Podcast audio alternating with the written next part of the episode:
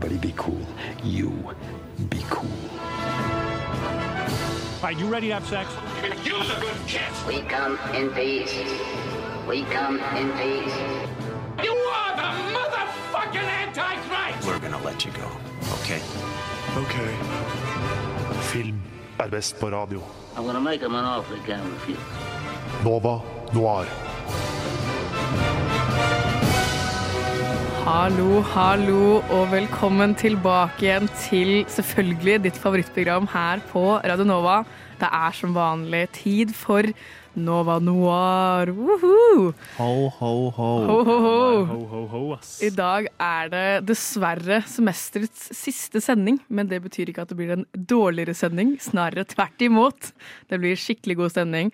Vi har fått med så mange som mulig i redaksjonen til å være med på dagens sending, for vi skal nemlig ha, som vi pleier å ha, filmåret 2022. Og vi har da gått sammen i redaksjonen, hatt litt stemmerunder, eh, funnet fram litt filmer og lagd en topp ti-liste av de filmene som kom ut i år. Så da får dere høre eh, veldig mange av oss. Jeg vet ikke hvor mange vi er nøyaktig. Vi er ni stykker. Ni stykker, ni av 14, så det er eh, godt over halvparten som skal være her i dag og rullere litt på hvem som skal være med på hvilke stikk og hvilke filmer. Vi har da eh, meg akkurat nå i studio. Det er meg, Karin, og så er jeg med meg Alexander og Daniel. Men dere får ikke høre bare oss, dere får høre seks andre stykker på rullering i dag. I dag er det en eh, Nova Noir uh, Cinematic Universe uh, crossover-sending. Så får dere høre litt hva uh, vi har stemt fram som det beste. Det er noen som er uenig, inkludert meg, på veldig mange av disse Det plassene. blir nok det blir nok en ganske interessante samtaler gjennom sendingen i dag. Vi skal rullere på hvem som skal snakke i hvilke stikk, om hvilke filmer. og Folk skal få lov til både å forsvare sine favorittfilmer og kanskje gå litt til angrep på de filmene som man ikke for- forventer eller for, syns fortjener at har havnet på toppen. Bare rip them apart. Jeg gleder meg masse. Jeg gleder meg også veldig mye. Vi kan jo uh, tease litt hvilke filmer vi skal snakke om. Uh, det blir blant annet Licorice Pizza, The Northman. Vi skal snakke om sovekupé nummer seks. Everything Everywhere All At Once. Uh, The Tragedy of Macbeth, blant annet. Batman. Vi Du vet, man. jeg Batman. Drive My Car og, eh, Syk pike og Alle hater Johan. Ja. Og Northman. Ja, det sa jeg. Ja, ja, ja. Det er veldig viktig at vi får med at vi skal snakke om Northman. Daniel skal snakke om Northman. Nei, vi har jo da eh, kommet fram til en eh, topp ti. Eh, som vi, i, eh, vi sammen i redaksjonen har eh, mer eller mindre enstemmig funnet ut at eh, dette er våre topp ti filmer fra året som har eh, gått. Med litt innslag av eh, Eurovision-stemmesystem og i det hele tatt. Eh, Ja, det var jo eh, Vi fikk jo da eh, et kjempedigert eh, Excel-dokument der vi kunne legge inn alle filmer som har kommet ut i år på enten kino, strømmetjenester eller lignende, så lenge det har kommet ut i Norge. Det kunne ikke være eksklusivt amerikanske filmer, for det, det er ikke sånn det funker. Eh, og så eh, plukka vi da ut topp 15. Man kunne også gi minuspoeng til tre filmer, og så sender man inn det, og så får man da ti av de som har fått mest poeng, og så stemmer man på de, og så får de da x antall poeng. Så den du ga Hvis du da satt for eksempel Elvis da på nummer én, sånn som jeg gjør, så eh, gir du den filmen 15 poeng. Men hvis du setter den på nederste plass på minuspoeng, så gir du den Hvor mange minuspoeng var det da? minus tre. Minus tre. Så regner man da ut som en slags sånn Eurovision, om man får pluss-minus, og så totalsum, da. Og så har vi da kommet fram til den lista vi har i dag. Jeg trodde jeg vi skulle si sånn at det var sånn der, som Eurovision. Hvor det var sånn, Vi hadde en sånn svær Skype, sånn der diger Skype vet du, som de har på avstemninger. Og så er det sånn en eller annen værdame fra det landet og sier We, we nominate licorice pizza, 10 points! Ja. så begynner folk å juble og sånn. Det får bli neste gang. Vi jobber litt mer med den, den, den, den, På ideen tvers der. av norske byer. Tromsø gir Ja, vi kan ha Kim inn fra Tromsø. Ja. Ja, Jeg ja, fra Hamar, en eller annen. Dette en eller annen jævel som dro Oda til Granka Granca på juleferie. Ja. Ja. Oh, gøy. Men vi har jo da også, i tillegg til at vi har disse ti filmene som vi har blitt enige om at eh, er eh, Eller enige slash uenige om at er eh, på toppen, så har vi også en nettsak som ligger ute akkurat nå på radionova.no, hvor du kan lese mer om våre favorittfilmer fra året som er gått. For da har alle i redaksjonen fått en anledning til å skrive en liten tekst om de filmene som man mente var best. Og det kan være, det er både filmer som vi har kommet fram til her på listen som vi skal gå inn i dag, men også filmer som medlemmene har ment at, de, eh, at det har blitt snubbed fra Som- vår liste. Elvis! Som Hvor er Elvis? Jeg snakker, om, jeg snakker om Jackass Forever, og jeg er helt enig i at den, den er snubbed. Vi skal i hvert fall videre til uh, første film på lista, og det blir Licorice Pizza. Men før det så får dere høre en låt. fra ende til annen intenst. Nova Noir. God dag, god dag. Nå er det Lukas Ligeti som sitter her i studio med Embla Aaslein. Og Oda Krüger. Og nå skal vi snakke om licorice pizza. Og jeg tror vi har litt sånn ulike meninger alle tre. Så Embla er den som liker den best, så du skal få lov til å introdusere licorice pizza. Ja, jeg kom jo løpende eh, til Nova for å være med på dette stikket, altså denne delen om licorice pizza, for jeg tror jeg er den eneste i Nova nå som egentlig liker den sånn veldig godt. Eh, men den kom på vår tiendeplass, så det overrasker meg litt. Så dette er altså eh, sisteplassen, men det er jo bare en eh, ære å være på lista, da. Men eh, av vår det, sier de alle. Det sier de alle. Så tiendeplassen vår er Licorice Pizza. Eh, veldig vanskelig å oppsummere plottet, for det er en litt sånn der episodisk film med mange små biter. Men man følger basically eh, en fyr som heter Gary, som er barnegeni. Eh, spilt av sønnen til Hoffman. Cooper Hoffman, tror jeg han heter. Eh, som på en måte, han er, sånn, han er 15 år, men han er businessmann og barnestjerne og styrtrik og på en måte har sin egen, sånn, skal lage sin egen madrassbusiness og er på en måte nesten sånn Wes Anderson-aktig karakter. Som Ja, Det er veldig, veldig sant, egentlig. Ja, og så eh, møter han Alana, som eh, Jeg skrev at hun var i midten av 20-årene og fikk hatmelding av Ina Sletten, som skrev hun er faktisk 28! Og så fjernet hun det. Fra Jeg syns 28 er midten av 20-årene, jeg, da, men det er greit. Det føles jo som midt Altså, Jeg føler at det er midten av 20-årene, men det er jo ikke det. Det er jo egentlig slutten. Slutten, ja. Men i hvert fall så de blir eh, Jeg skrev eh, i nettsaken at de får et prikk, prikk, prikk vennskap. Eh, det kan vi jo snakke mer om, men de i hvert fall får en relasjon, da. Hvor de drar på haugevis av eventyr sammen. Og det er egentlig denne filmen. Og så viktigst av alt, den er jo satt på 70-tallet Mm. og er Los Angeles og er dermed superfargerik og groovy. Og litt tilbake til hans røtter i Boogie Nights. Og jeg merker Når jeg snakker om det nå, så blir jeg sånn varm i kroppen. Og det er egentlig litt dumt at vi ikke spilte traileren, Fordi der er jo uh, Er det ikke Life on Mars? Jo, Life on Mars, David Bowie. Og den, bare, å, den traileren er så bra. Jeg så den i går og ble sånn Åh, jeg digger denne filmen. Men det var det som egentlig skuffet meg mest. For da jeg så traileren på kino, jeg, når jeg så en eller annen film eh, i løpet av året, så syns jeg traileren så så sykt bra ut, og musikken rørte meg skikkelig. Det er jo sånn cheat code for å bli rørt. Er jo ha, ja, David Bowie, og spesielt Life on Mars. Så jeg tror det var derfor jeg også Jeg gikk inn i kinosalen med høye forventninger, og forventning om en kanskje mer klassisk uh, Paul Thomas Anderson-film. Um, men det var ikke det jeg fikk. Og det er jo sånn som du sa, den er veldig episodisk. Den har ikke nødvendigvis en, en veldig rett frem struktur, uh, hvor du følger én reise mellom karakterene. Det er mer sånn uh, flere hendelser på rad Mm. som ikke nødvendigvis henger sammen i en rød tråd, annet enn emosjonelt. Ja, det er det. Fordi jeg, det her var min andre PTA-film som jeg hadde sett. Eh, den første var eh, Phantom Thread. Ja. Eh, og jeg visste ikke helt sånn Jeg hadde ikke blitt så godt kjent med PTA ennå, eh, så jeg hadde ikke så mange forventninger. Men jeg ble skikkelig sånn Jeg tenkte sånn ah, Hva for noe film er det? Det er jo dritkjedelig. Og, ja, jeg syns ikke det var noe bra. Jeg, syns liksom Jeg ikke spillet var overbevisende. Hæ? Story var bare sånn all over the place. Jeg følte liksom ikke helt at Men at story var- er all, all over the place, er jo meningen. Fordi det skal jo Det er jo ikke en på en måte Og det har vi snakket om i fransk filmsending, Men- at du liker Lucas. Ja, men Det kommer helt an på. Men det som var greia var at jeg tror jeg ikke var helt forberedt på hvilken film jeg gikk inn for å se. Eh, så det var liksom mitt førsteinntrykk. Eh, så jeg, jeg må gi den en ny sjanse. Men eh, det var mitt inntrykk i hvert fall. Og da jeg så traileren nå ikke, ikke la deg presse, Lukas, Nei, nei, til, nei, å, til å like en film du hater. Nei, jeg har lyst til det. Men også med, da jeg så traileren, apropos det, så var det sånn Jeg fikk den samme viben som jeg fikk fra første gang jeg så den. Så det var sånn, Da tenkte jeg sånn ah, faen, jeg håper ikke den kommer til å være sånn andre gang òg. For jeg cringa flere deler i filmen.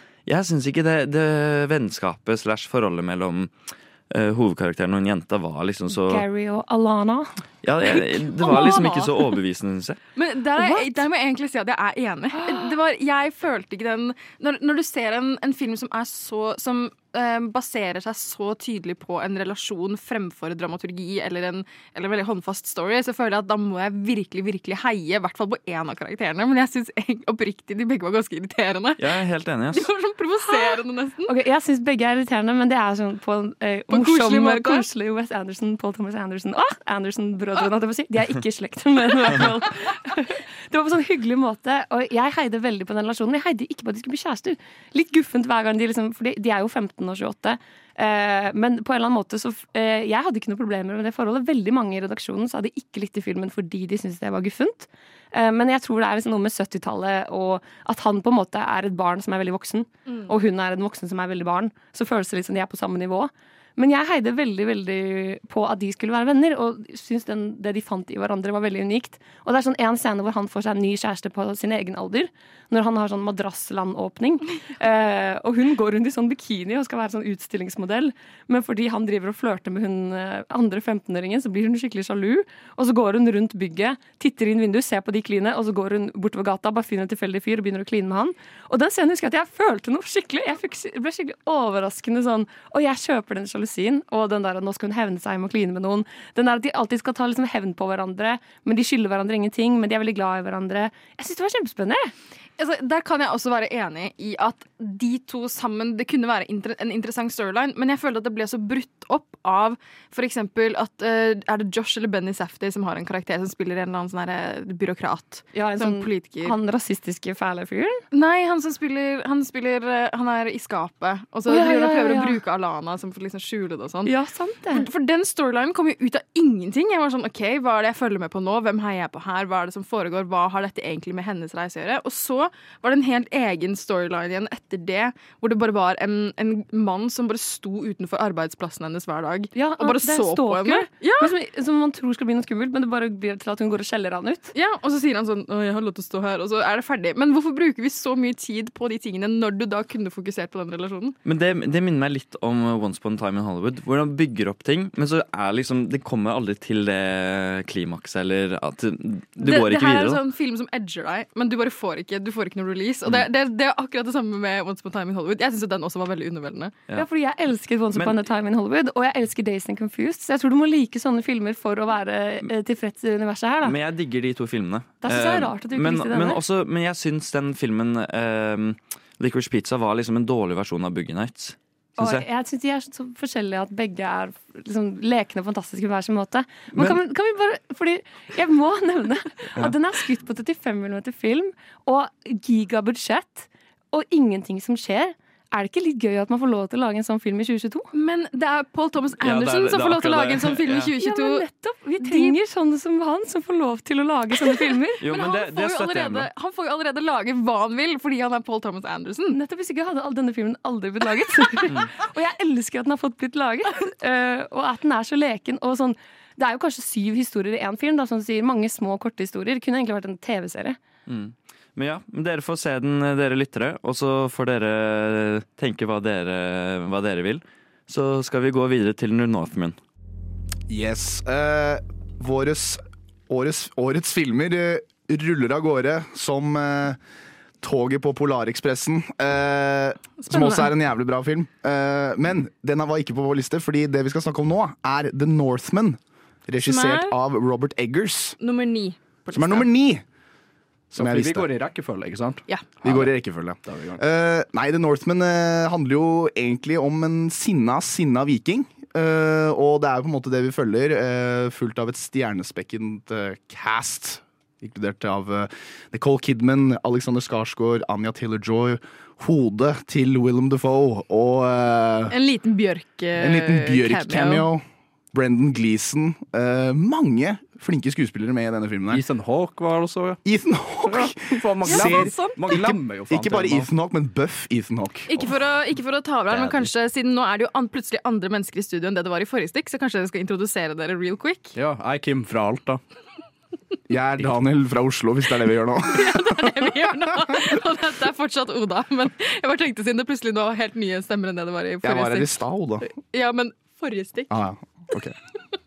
Hvis dere ikke husket meg, så er jeg i hvert fall Daniel fra Oslo. Så, Eh, The Northman. Yes. Eh, Northman, eh, hva, hva syntes vi om The Northman? Hva var førsteinntrykket vårt av The Northman når vi så denne her den eh, høstkalde, eh, vårkalde aprildagen eh, Jeg 2022? syns The Northman var årets skuffelse. Det må jeg være helt ærlig å si. Men Kim, du likte den vel? Gjorde du ikke det? Jeg Jeg syns den var helt grei, egentlig. Jeg syns den var bra, men ikke sånn kjempebra. Jeg lagde et innslag om den.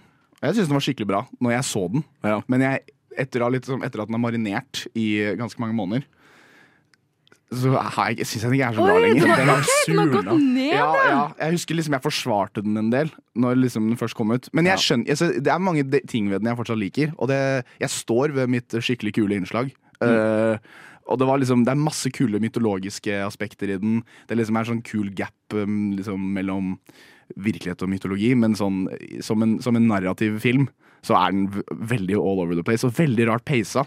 Veldig, Veldig. rart peisa. Og så syns jeg den blir veldig sånn Hvis jeg skal være negativ, syns jeg den blir veldig øh, entona, på en måte, til tross for det. Det er liksom bare veldig gritty og mye vold, og øh, en film som føler at den tar seg sjøl litt for seriøst, nesten. Og dette må, det må vel også nevnes at dette er Robert Eggers, for han er tidligere kjent for The Witch eh, og The Lighthouse. Og begge de er jo A24-produksjoner. Dette er vel hans første, dette er Focus Features, tror jeg. Så dette er jo hans første produksjon med nytt eh, produksjonsselskap. Og det fikk jeg Jeg hørte noen rykter at det var veldig mye studio interference i denne filmen. her Mm. Og at filmen egentlig skulle være lenger. Og at det, det ble Lenger? Det skulle være lenger. Eh, at det skulle være Men mer Robert Eggers sin klipp, da, hvis det gir mening. Ja, fordi Det som var veldig skuffende med denne filmen For jeg er jo veldig glad i både The Witch og The Lighthouse. Jeg synes Det er to. to helt kongebra filmer. Og det de har til felles, er at det er sånn um, The Lighthouse er jo nesten bare kammerspill. Der er alt på ett sted. The Witch er så å si også det. Det meste eh, finner sted liksom i en hytte og i skogen utenfor hytta. Og der synes jeg at Robert Eggers sin regi og også manusene skinner veldig, fordi det er så avhengig av at det er interessante dynamikker mellom karakterene, at dialogen er dritbra.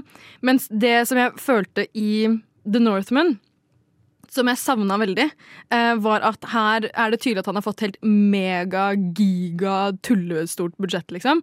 Så han har slått seg helt løs, og så virker det nesten som at han har fått For meg da, er det nesten sånn frie tøyler. At her er det ingen som har kommet inn og strammet ned, strammet ned. Og det at du sier at han i tillegg ville ha den enda lenger, når denne filmen varte i hva var det, to timer og 45 minutter, eller noe sånt, nå, syns jeg er helt tullete. Det var er- den nedstramma versjonen vi Det så. helt unødvendig. Ja. Og jeg synes, og det som også jeg satt og himla med øynene flere ganger i kinosalen, fordi det er så mye unødvendig eksposisjon i dialogen.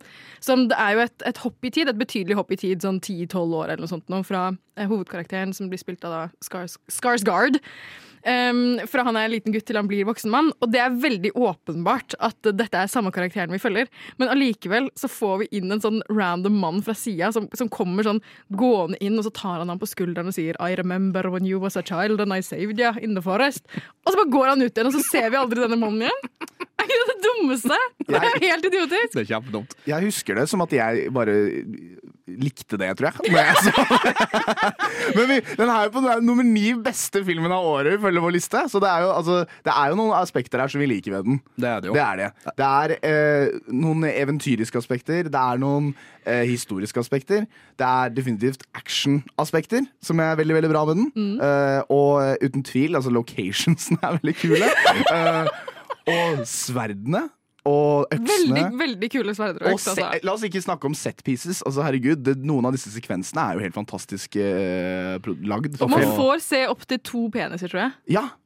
Og minst, jeg tror faktisk vi ser en avskjærte nå, hvis jeg ikke tar Ja, helt feil. ja, Eh, men sånn jeg, jeg tror sånn rent narrativt så lekker den eh, Og jeg er enig med det du sier i forhold til at kammerspillet i eh, de to første filmene hans er desidert mm, veldig, veldig mye bedre enn eh, når han liksom plutselig fikk liksom det, det virker som, ja, men du vet liksom Når du liksom har sånn aerial shot over et nytt landskap, ikke sant? typisk sånn Lord of the Rings, og det er mye trommespill og Ja, jeg, jeg vet ikke. Det er Jeg tror jeg må ta scenen på nytt, egentlig.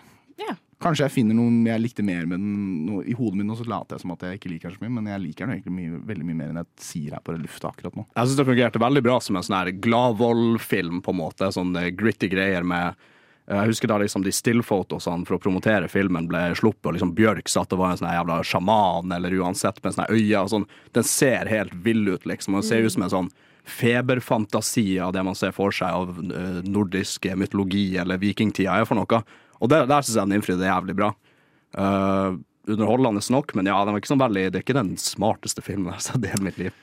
Nei, men der har dere det, folkens. Uh, Northman er uh Hva kan man si? Ja? Kanskje bra, kanskje ikke bra. Kan, ja, jeg vil si en, Sometimes fint sted. Jeg vil si det er en kraftig god nummer ni. Men uh, nå skal vi egentlig videre i programmet. Uh, nå skal vi snakke litt om Alle Johan etter dette her. Kos dere. Ho, ho, ho.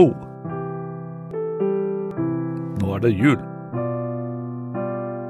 På Radio Nova. Og vi skal videre inn i filmen 'Alle hater Johan', eh, regissert av Halvard Witzøe. med Pål Sverre Hagen og Ingrid Bolse Berdal i hovedrollene.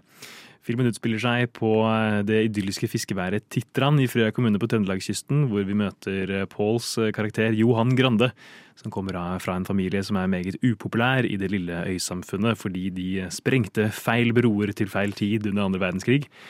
Og eh, Johan, eh, lille Johan har da tatt med seg denne kjærligheten for eh, sprenging inn i sin, inn i sin barndom. Og holder på med det i, liksom gjennom hele sitt liv. Blant annet, og forårsaker bl.a. En, en ulykke hvor hans store kjærlighetsinteresse Solvor havner i ulykka og blir skadet. Hvorpå han eh, reiser utenlands og så kommer tilbake igjen og finner ut at det, det, ja, det er mye som skjer i denne filmen. her. Har vi noen eh, førsteinntrykk, eh, Kim? Jeg syns den var superkoselig. Jeg likte den veldig godt. Den er jo sånn her, eh, det er jo sånn her litt typisk norske filmer og serier for tida, føler jeg, å liksom portrettere liksom bygda i Norge. Og få inn den der liksom bygdehumoren, den litt sånn halvkleine, eh, hverdagslige tonen der. Og jeg syns den, gjorde den gjorde det jævlig bra. Jeg synes De er mye flinkere generelt på å gjøre det enn når man ser sånn eh, Hollywood-aktige norske filmer hvor det, det, Du vet når folk ikke snakker sånn som de gjør egentlig. Ja. at du hva jeg mener? Når det, Ja. du er sånn situasjonsrom, og så plutselig snakker alle lavere, eller dialekter helt annerledes. Ja, Troll, liksom. Ja. Som ikke er på vår liste i år. Dessverre. Hva med deg, Liv? Nei, altså, eh, trøndersk er jo veldig sånn eh, eh, Midt i blinken her, veldig sånn rød tråd. Og det er jo også veldig gøy, fordi det er jo Erlend Lo som har skrevet manuset. Han er jo trøndersk selv. Så er det klart at det har blitt med litt sånn interne trøndervitser innimellom. Og eh, Kværfjordkake, for eksempel, er jo eh, en eh, rød tråd gjennom hele, hele filmen. og eh, fra start til slutt, egentlig. Og det er sånn gode metaforer når det er snakk om dynamitt, eksempel også. Sånn der, når to stykker elsker hverandre, sier de, og så snakker de om dynamitt, egentlig, at ting står veldig på spill. Og jeg, jeg syns veldig godt humorelementene var uh, veldig, veldig bra. Og så er det en sånn gjenganger som er sånn 'jævla grande faen', sier de jo. Jon, Jon Brungot karakter. Ja, og han også! Postmannen elsker jeg. Det var sånn midt i blinken, sånn en liten sånn goding å ha i filmen, egentlig. Ja. Så er han jo veldig sjarmerende også. Det er liksom sånn Snakker jo litt sånn ufo... Uh, hva heter det for noe? U... Ufor... Herregud. Nei, ufor... At man er litt ufor... Litt utafor Ja, utenforskap. Ja, Utenforskap heter det. Mm. Herregud. Ja, og det er liksom det er koselig, og man syns veldig synd på han, selv om ingen liker han. Og, ja. Ja, det er en sånn film jeg skal vise til familien nå i jula, tenkte jeg. Ja, ja, for jeg, jeg vil se på det er en god film å se med familien. Mm. Ja! Jeg kan se på meg sånn Min bestefar kan elske denne Ja. filmen. her For det er også liksom det her med, med sprengningsaspektet som eh, trekker tankene tilbake til dynamitt-har i Olsenbanden Ja. og, og sånne ting. Og en annen ting man kan kjenne seg litt igjen i for de litt eldre, er at alle tiåra er veldig godt rep eh, representert Mm. også. Vi går gjennom både 1943, 1959, 1974, 1993 og helt til slutt 2022. Og man ser det liksom både i klær, musikk musikk og band og frisyrer og alt sånn. Og det synes jeg var veldig sånn tilfredsstillende å se på. Mm. Så det var veldig godt arbeid akkurat der. Ja. Og Pål Sverre Hagen er flink til å spille gammel mann. Ass. Han er det, ja. altså, og trønder og fader. Han er jo Stavanger og østlandsk Ja, ja. og alt, han. Men både liksom i denne filmen her og i 'Krigsseileren' så spiller han gammel mann Ja, veldig sant. Ja, det er veldig sant, det. Ja, Mm. men liksom på en rørende måte. Jeg er jo et svakt punkt for gamle menn. Da er, Ja. Og Pål Sverre Hagen. Nei, jo, mest gamle menn, men også litt for Sverre Hagen etter hvert. Jeg har blitt, eh, ja, faktisk. Det ble liksom mest kjent med han gjennom Exit, og nå har han på en måte blitt eh, Både gjennom Krigsseileren og denne filmen her, så føler jeg at eh, han er en fyr jeg kan begynne å Ja. Ja, et en kvalitetstegn og han er med på, på film, eh, faktisk. Og det er jo det, det, Dette tidsaspektet blir jo veldig viktig. Filmens handling foregår over eh, mange forskjellige tidsepoker. eh, Og det tas inn liksom forskjellige tematikker gjennom de forskjellige epokene. Og når vi kommer til liksom 70-tallet, så får eh, den gode Johan Grande besøk av en vietnamesisk Ja. eh, dame. Pei. Pei! Ja, og den kjærlighetshistorien som utvikler seg der, er jo utrolig rørende. Ja, den er det. Den er så. Veldig. Ja. Den er ikke sånn upassende som man kunne tenke seg, kanskje. Nei, nei. Den er, sånn, den er veldig sånn søt. Og det er liksom det å sette et sånn blikk på, fordi akkurat dette her med ehm, eh, hva skal man si, liksom einstøinger, norske menn som henter inn eh, koner fra sørøstasiatiske land, er jo liksom, det er en, en, en eh, stereotyp som man har hørt mye om, og som man kanskje har sine tanker om, men her blir det liksom skildret på en veldig sympatisk måte. Mm. Eh, og det setter jeg egentlig veldig pris på, å få liksom et annet blikk på det enn det man kanskje har vært vant til å få. Jeg synes også det var kjempefint, og det, det var, en, sånn her, det var en, en varm og rørende eh, liksom, midtpunkt i filmen. Ja, Da. det var det. sånn centerpiece som bare liksom Det rappa på en måte hele historien, både begynnelsen og slutten, på en veldig bra måte. Ja. Og det var, det var nydelig. Ja, virkelig. Det var rett og slett veldig fint. Og det mot slutten der også, nå skal vi ikke spoile hele Nei. handlingen, men jeg syns at den avsluttes avsluttes på en veldig fin tone. Så jeg tror rett og slett vi har bare å gjøre med en, en god eh, familiefilm her, for alle de som ser etter en eh, litt nyere film å se sammen med familien i eh, jula. Vi skal videre til en film som kanskje ikke er så godt egnet til å se med sin familie. Nå er vi ferdig med å snakke om Alle hater Johan, og vi skal videre til å snakke om The Batman. Die Hard er jo ikke julefilm. Die Hard er en julefilm. Die Hard er ikke en julefilm. Jo, det er en julefilm. Er det det? Ja.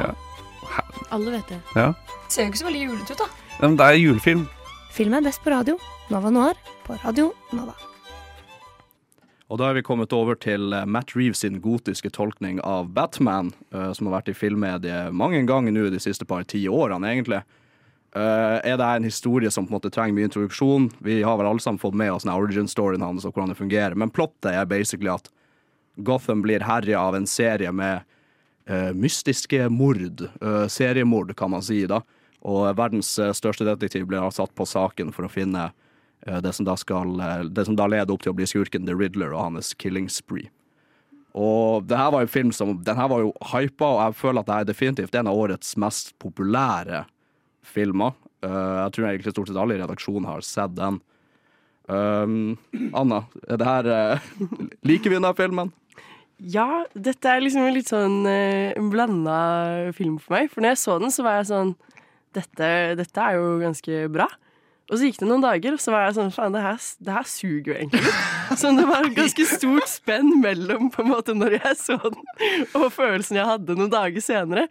Eh, og jeg, jeg elsker Batman. Jeg elsker å høre historien igjen og igjen og igjen, så det gjør ikke noe for meg at det er noe jeg har sett før. Men jeg tror bare at denne gotiske tolkningen på en måte kunne vært så jævlig bra, men det funka ikke. Eh, det var noe som på en måte manglet hele tiden, og så er den helt uforsvarlig lang. Så den har ingen rett til å være så lang, føler jeg, eh, og ikke nødvendigvis gi så veldig mye mer heller til historien. Men samtidig, det er mye bra, bra ved den også, så det er en veldig sånn blanda, følelse jeg sitter igjen med. Det var som sagt eh, 2022s emo-fase, og eh, jeg vil si at det er det den kanskje har aga litt som. For er vel, den, har blitt, sånn- den, ble jo litt, den har blitt litt mima, eh, og det er jo liksom mye øyenskygge og liksom se seg selv i speilet og ha skikkelig vått hår og eh, Something in the way Ikke sant? Det er, det er det vi på en måte husker ja, Det er det jeg husker best av den filmen her akkurat nå, da. Men som sagt, det er jo masse redeeming sånn, liksom, Hvis du følger liksom Batman som en tegneserie, for eksempel, så er det jo masse kule detaljer og Gotham. Det er alltid gøy å se en ny depiction av disse samme karakterene. Det er gøy å se en ny vinkling av eh, forskjellige typer historier med skurkene. Og jeg vil jo si at eh, av de tingene, sånn av Bruce Wayne for eksempel, syns jeg gjør skikkelig bra. Jeg syns Rob Pattinson fungerer veldig bra. Jeg syns Penguin fungerer veldig bra. Jeg syns plottet også er interessant. Det er vel mer sånn noen ting den på, på en måte den reacher litt for langt, kanskje. da på noen ting. Den skulle, skulle kanskje tatt et steg tilbake og, og blitt litt mer grounded, men det er jo Batman, så jeg skjønner jo at det kan være vanskelig. Jeg er egentlig helt enig. Jeg syns det var en utrolig kul approach til Batman å liksom gå tilbake til gamle tegneserier hvor han på en måte var en Du fremhever liksom den detektivsida med han, og så tar du også inn den litt mer moderne tolkninga at det er en fyr som åpenbart har liksom store psykologiske problemer når han kler seg ut som en flaggermus og banker kuken ut av folk hver natt. Uh, Og at han er naiv. Han er sånn, han er ikke helt Nei, han- utlært i den filmen. Nei, sant, han, han har liksom ikke svaret på alt. Og, og det der med at liksom, Gotham er supergotisk og det er så mørkt, og det er litt sånn emo, jeg syns det funka veldig veldig bra. Så jeg synes liksom Det føles som de hadde så mye ting på plass på hvordan de ville ha denne filmen. Liksom Storyboardet passa, på en måte, og eh, hele den estetikken og viben de prøvde å gå for, var det.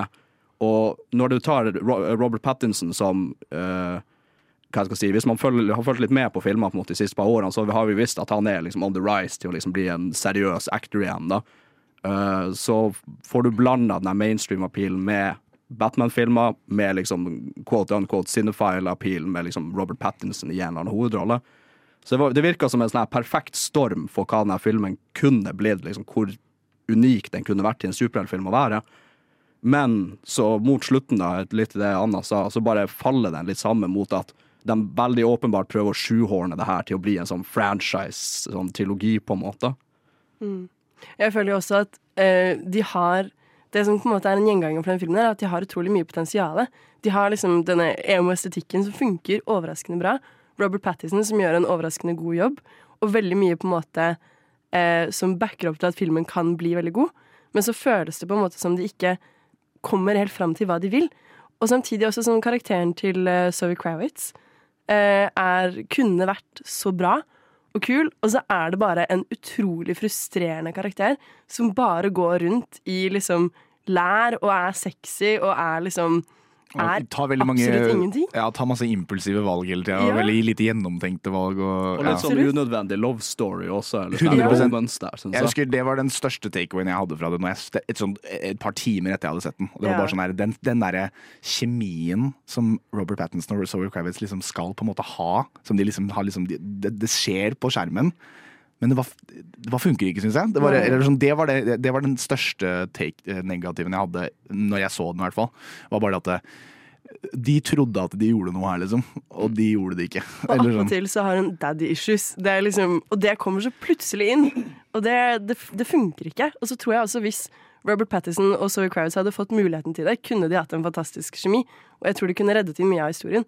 Men det virker som de har fått liksom ikke fått rom til Mm. å på en måte spille det ordentlig ut. da. Ja, for jeg synes også castinga egentlig er kjempebra. Jeg syns Pattins leverer, jeg syns Kravitz leverer, jeg syns Jeffrey Wright som oh, uh, politimester Gordon er kjempegod. Jeg likte også Paul Dano som The Riddler, selv om jeg ikke likte The Riddler i denne filmen. Ja. Om det gir noe mening. Og så er det mye liksom, actionsekvenser og shots som bare er sånn amazing, når det er den der car chasen, jeg tror det er Penguin. Og han liksom lander opp ned, og så filmer de opp ned liksom, når Batman bare kommer, sånn silhuetten av ham med sånn flamme i bakgrunnen. Det er bare mm, Det er, noen, det er de der, Det er så nydelig. Det er liksom som Dark Knight-trilogien til Nolan hadde jo, har de der Batman-øyeblikkene. Mm. ikke sant? Det er de der øyeblikkene hvor det bare er sånn Det er som at den basen dropper, liksom. ikke sant? Og det er bare sånn, det er et sånn sykt fett refreng Mm. i sekvensene. Det er jo det på en måte den her leverer bra også på. Eh, sånn der, for eksempel når Batman liksom er på vei opp til det tårnet, og du Mm. bare plutselig så bare Du vet ikke hva han skal gjøre, og så bare plutselig bare launcher han inn i en sånn wingsuit, og, og så bare, før du vet ordet, så har han kasta seg utfor. ikke sant? Det er de der sånn Fy faen, dette er Batman, ass. Eller sånn Dette er liksom derfor jeg er, det er hvorfor jeg er her litt nå, liksom. Så, actionmessig så er den jo utrolig bra regissert. Så den har liksom sånne elementer av på en måte briljanse og originaliteter som jeg syns er dritbra, men ja, om jeg skal skylde på studio eller hva enn, men det, det, den faller liksom flatt på noen punkter, dessverre. Så det er jo for all del, i hvert fall i min mening, syns jeg, er en bra film. Uh, den kunne vært bedre. Da hadde den kanskje kommet uh, et par hakk opp på lista vår. Uh, men det får nå bare være. Den, den er på den plassen den er, og vi skal legge fra oss Batman for denne gangen, og så når vi kommer tilbake, så skal vi snakke om en film som er et hakk oppe på lista vår, og det er Drive My Car.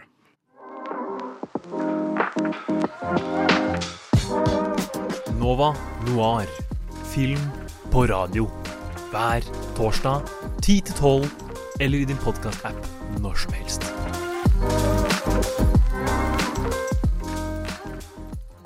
All right, all right. Vi har kommet til min personlige favoritt, mitt personlige høydepunkt. Drive My Car, laget av Ryosuke Hamaguchi i eh, Japan. Eh, Kom ut i år, men eh, ble vel lansert internasjonalt i 2021. Den, eh, her møter vi da eh, Yusuke, som er vår eh, hovedrolle. En skuespiller og teaterregissør som introduksjonen blir introdusert for hans liksom, kjærlige forhold til sin kone, som så blir brutt gjennom et utroskap. Og så dør hun, og så møter vi han noen år senere hvor han skal da til eh, en ny by hvor han skal spille ut et eh, stykke som han øvde på mens han eh, Eller like før kona døde. Så kjører han rundt i sin eh, knæsjrøde Saab 900 Turbo og hører på hennes innspilling da av eh, alle de andre linjene fra stykket enn de han skal eh, selv eh, si. I eh, denne nye byen i eh, Hiroshima, som er der de eh, holder til, skal, møter han eh, sjåføren Misaki som han eh, blir tvunget til å benytte seg av. Så å kjøre han fram og tilbake fra huset han eh, bor i, til eh, teatret. Som da forringer hans liksom hellige rom, hvor han kontemplerer og øver på tekster og tenker på sin tap av sin elskede kone. Og så etablerer de to en, en, et, et, vennskapsrelasjon hvor de sammen liksom kan komme litt til bunns i sine traumer, som de begge to sitter med en stor sorg. Hva syns du, Karin, om filmen? Eh, jeg så den her på kino og syns eh, for det første at den er en time for lang. Den er tre timer lang. Og det funker ofte, men den her var bare Den ble litt for lang, for det skjer ikke så mye. Det er jo eh, Det meste skjer liksom på starten, og så er det halvannen time der det skjer det samme, på en måte. Og det er jo veldig, en veldig sånn eh, litterær, kunstnerisk, sånn tenkende film. Men i tre timer så blir du litt lei. Liksom, om jeg hadde sett den hjemme, så tror jeg ikke jeg hadde fulgt med i det hele tatt. Jeg tror jeg klarte å følge med fordi jeg så den på kino. Og det er jo, ja. Ja, jeg, jeg kan være litt enig i eh, sånn vurdering av at filmer ofte er for lange. Jeg føler veldig ofte at uh, filmer definitivt kunne vært en time kortere. Men Drive My Car føler jeg kanskje er en av de få filmene jeg har sett, og i hvert fall i år, som jeg følte hadde all liksom, grunn til å være så lang. Uh, jeg synes, For det første er det også veldig ikonisk og flott hvordan man går en halvtime inn i filmen før man får liksom introsekvensen. Mm. At sånn, dette er Drive Car, nå starter filmen. Det funker utrolig bra. Jeg syns ikke det, ass. Ja, nei, men jeg kan skjønne at den er litt tung og vanskelig, på en måte. Og den er veldig langtrukken, og den er veldig stillegående. Men det er også det her med at han, han klarer, via å liksom bruke all den tiden han har, til å komme så utrolig i dybden på folk. Og liksom skildre følelseslivet deres på en måte jeg tror ikke hadde vært mulig å kommunisere i en kortere film. Eh, og man klarer også på en måte komme i dybden på flere karakterer. Og det er også en veldig fin ting med hele filmen, som også ikke nødvendigvis går så hardt inn for å kommunisere veldig tydelig hva det er han vil si om følelseslivet til de personene det handler om. Men man må på en måte tenke seg til det selv, og det får man tid til når den er såpass lang som den er. da. Jeg er enig, og så legger den på en måte opp til altså Tempoet er ganske langsomt. Det er veldig mange liksom lingrende bilder, og musikken er liksom langsom. Det ligger på en måte opp til, liksom, til en, en Det er en, en film som virkelig, virkelig tar seg sin tid, og er liksom kontemplativ bare i, som, i måten den er strukturert på. Og det setter jeg veldig pris på. Men jeg skjønner veldig godt det argumentet du har, Karin, om at eh, man, hvis man ser den hjemme, så vil man kanskje ikke klare å holde konsentrasjonen. Eh, Jeg så også denne her på, på kino på pressevisning og var eh, veldig veldig begeistret. Lot, meg virkelig liksom eh, fullstendig fordype i, i, eh, i filmens univers. Eh, og så har jeg forsøkt å se den en gang til eh, hjemme, eh, med frustrasjonene som fører med buffering og diverse, som bare gjorde at jeg ikke Ja, til slutt så hadde jeg ikke tid til å se den ferdig fordi den er så lang også. Så jeg, jeg frykter litt for hvilket liv denne filmen kommer til å ha på hjemmekino. Den er jo eh, veldig pen, det er den jo. Og det er jo veldig bra eh, musikk. eh, og jeg skjønner hvorfor den tar seg tid. Men sånn som du sier med hvordan kommer den til å overleve nå på hjemmekino? Jeg tror det kommer til å gå litt dårlig. Jeg tror det er vanskelig å anbefale den her til folk. Å være sånn 'Å, se Drive My Car'. Den er tre timer lang, og det skjer nesten ingenting. Folk kommer jo ikke til å sitte sånn 'Ja, det, det har jeg lyst til å se på', liksom. Da må du selge den inn på andre aspekter enn det, da. Den har jo på en måte, altså den legger seg jo til en liksom, eh, filmtradisjon med liksom slow cinema som har fått en liksom oppblomstring nå eh, i det siste, med liksom filmer som eh, Vera Sattekul, han den thailandske Apichatpong Vera Satekul. Eh, den er nok ikke fullt så langsom som hans filmer, men det er jo på en måte, det er jo et marked der ute for filmer som tar seg sin tid. Bare se liksom på filmer som Zalo. Eh, det finnes nok av eksempler av filmer som er kjempelange, men som allikevel overlever. Men eh, jeg er veldig spent på å se hvordan denne filmen kommer til å leve videre. Den har jo fått veldig mye kritisk eh, anerkjennelse. Den vant jo vel for beste regi i Cannes, og var vel også i beste internasjonale film på Oscarene i, eh, i fjor. Mm. Jeg tror mye av- det som på en måte skiller seg ut med Drive My Car, er at den er strukturert som ikke nødvendigvis en film, og ikke en film man skal se hjemme, men som en, et stykke. Et teaterstykke. Det er deler, den er lang. Altså, stykker er jo ofte mye lengre. Og det gir deg for det første tid til å tenke på ting som skjer tidligere i filmen, senere i filmen, og la ting synke inn, og inntrykk og følelser synke inn. Men det gir også mulighet til å gå inn på karakterer på en helt annen måte enn man ville gjort i en spillefilm som varer i en og en halv time. da. Men jeg tror definitivt det er veldig vanskelig å selge inn en tre timer lang film som er såpass saktegående til det generelle publikum. Men jeg tror kanskje også at det ikke er tanken bak her uansett, da.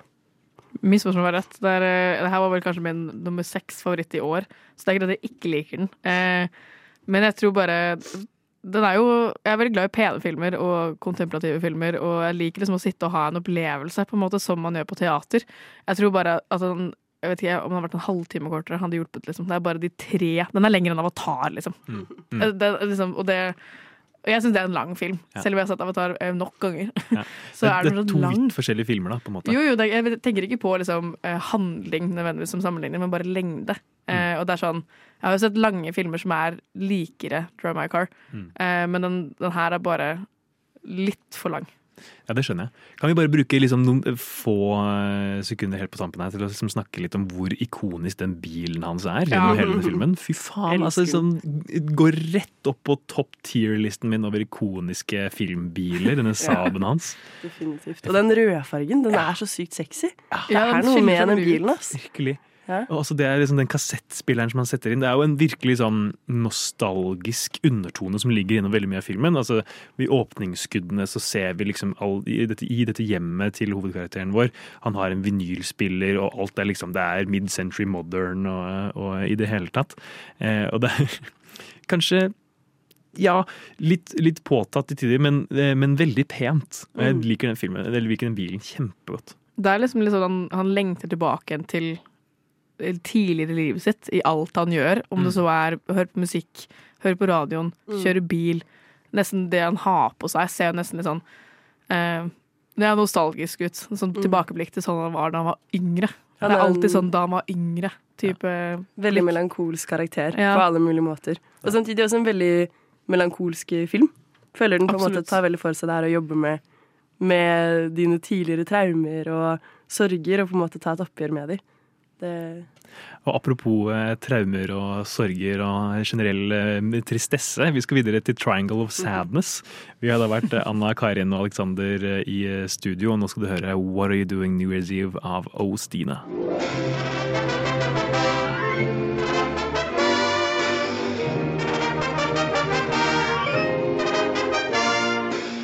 Du lytter til Nova Noir hver torsdag 10 til 12 eller på podkast når du vil.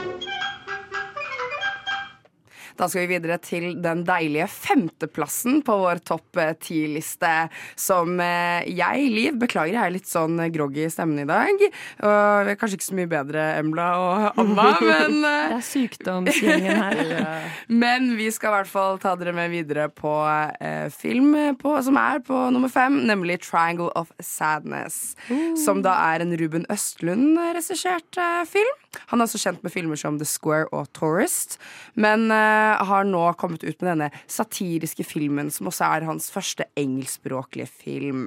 Uh, og jeg kan starte med å si at uh, det er jo en film som stiller mye spørsmål ved de økonomiske systemene i det moderne samfunnet, og privilegier privilegiene i, som følger med i sin egen eh, posisjon i hierarkiet, og spør publikum om de noen gang kan overvinne sin sosiale gruppe, eller om de for alltid er bundet av dens begrensninger.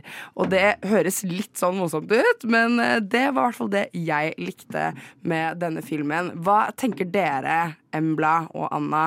Hvorfor er dette her eh, da blitt eh, topp fem på denne lista, tenker dere?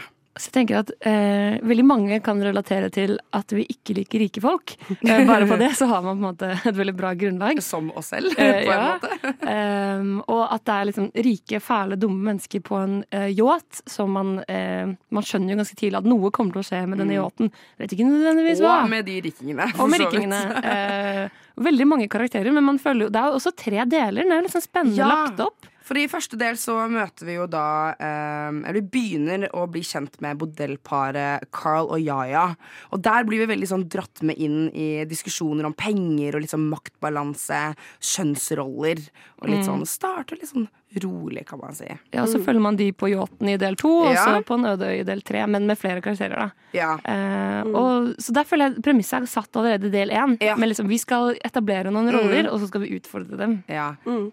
Jeg føler kanskje det er eh, liksom Filmen er veldig åpenbar på at her skal vi snakke om at rike folk suger. Mm. Eh, og vi skal vise at eh, liksom Jeg vet ikke man skal, hva man skal kalle det, men en slags sånn at de snur systemet på hodet i del Ja, tre. da. hierarkier snus Ja.